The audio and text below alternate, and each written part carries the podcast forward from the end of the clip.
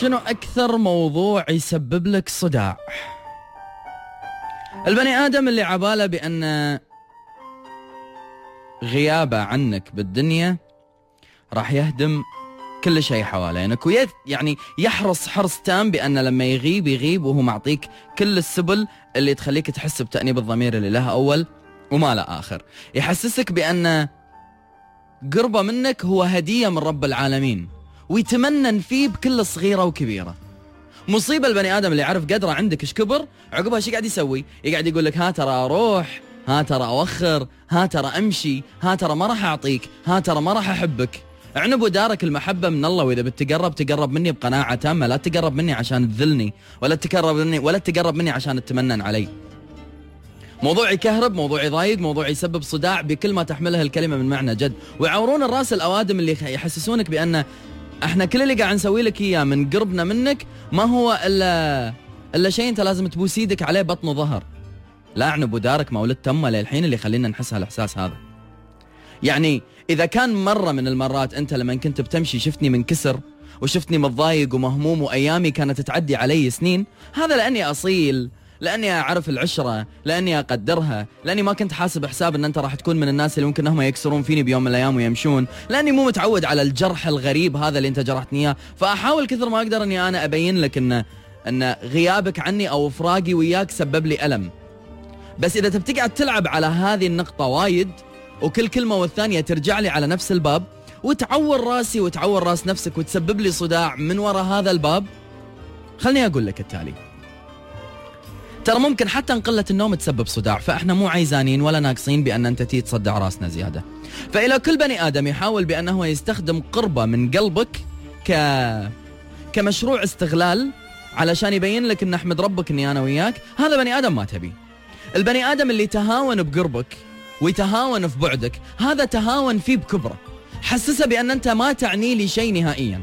يا جماعة كلنا وارد في حياتنا الخطأ. كلنا ممكن نغلط بإحساس بحكم بتقييم وبإنسان. ولكن المصيبة شنو؟ المصيبة الإنسان اللي عرف أن عيوبك من واحد لعشرة يقوم يذلك بهذه العيوب ويأذيك فيها واحد ورا الثاني وكأن الموضوع موضوع عذاب نفسي. أنا ما أدري منو اللي مفهم بعض القلوب بأن أي قلبين إذا تقربوا من بعض لازم واحد منهم يسيطر ويهيمن على الثاني والثاني بس لازم علينا يشعر بالانتماء والضعف أمامه. إذا ما كنت أنا نقطة ضعفك مثل ما أنت نقطة ضعفي فبلاها من محبة. إذا ما كنت أنا الإيد اللي تعورك مثل ما أنت اللي تعورني فنقطع الإيد بكبرها أهون. إذا ما كنت أنا بنفس القدر من الاحترام والمحبة والمعزة بحياتك مثل ما أنا حاط لك قدر وايد عالي وأعزك وايد وأحبك وايد فبلاها محبة من الأساس. شنو يعني؟ ما في بهالبلد إلا هالولد؟ ما في إلا أنت؟ فلا تسبب لي صداع لا تتعب نفسي ولا أتعبك وياي فأحسن لكل واحد فينا يروح بحال سبيله. وإن كنت تظن بأن هذا الكلام أنا أقوله لأني متضايق ولأني تعبان ولأني أبي أرحم نفسي من الصداع وأنا بيني وبين نفسي راح أقعد أندب حظي وأذكر أيامك وأقول ليش وأنا ولهان وأنا مشتاق. لا حبيبي هذاك أول. مو اليوم. لأن البني آدم كل يوم عن يوم قاعد يكبر وكل يوم عن يوم قاعد يتعلم وكل يوم عن يوم مع كل ألم قاعد يتفهم هالدنيا هذه أكثر. عاد أنا مو مشكلتي إذا أنت عقليتك وقفت معاك لعمر معين ما عرفت تكبر باليوم اللي عقبه. إحنا كل يوم عن يوم قاعدين نكتشف بهالدنيا هذه سبب جديد يخلينا نعيش. فمو انت اللي راح تردنا ورا. فإذا مرة واحدة بس شفتني مكسور بغيابك هذا الشيء ما راح تشوفه مرة ثانية لأني تعلمت أعديه. فاي روح كمل حياتك بلا صداع بلا دندرة بلا عوار راس. وأنت إذا كنت تظن بأني أنا حاليا قاعد أعد الدقائق اللي ممكن من عقبها توصلني منك رسالة حنين وشوق ولا فلا يا حبيبي هذاك أول. وها إذا كلامي اللي قاعد أقول لك إياه بيزعلك ازعل ولا تسامح. وأنا كلامي لك في قمة الوضوح. أنا بني آدم شاري راحة بالي. إن عجزت بأن أنت تكون راحة البال المنشودة اللي أبحث عنها فأنت على الأكيد عكس راحة البال. وكل الأمور اللي هي عكس راحة البال لا أنت ولا أنا ولا أي حد قاعد يسمعني في حاجة لها في حياته. فإلى كل مسببات الصداع من الأوادم. إلى كل مسببات الصداع من القلوب. إلى كل بني آدم يسبب لنا لويا وحنة وأذية.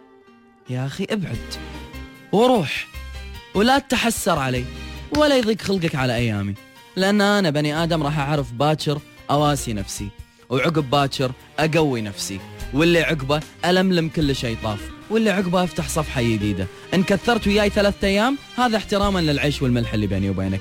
أما أني أقعد أضيع سنين عمري وأنا أفكر فيك ما راح أعور راسي ولا راسك. البني آدم هذا انتهى وهالسوالف ما لا تول. هذا كول. إذا قلت بتخليني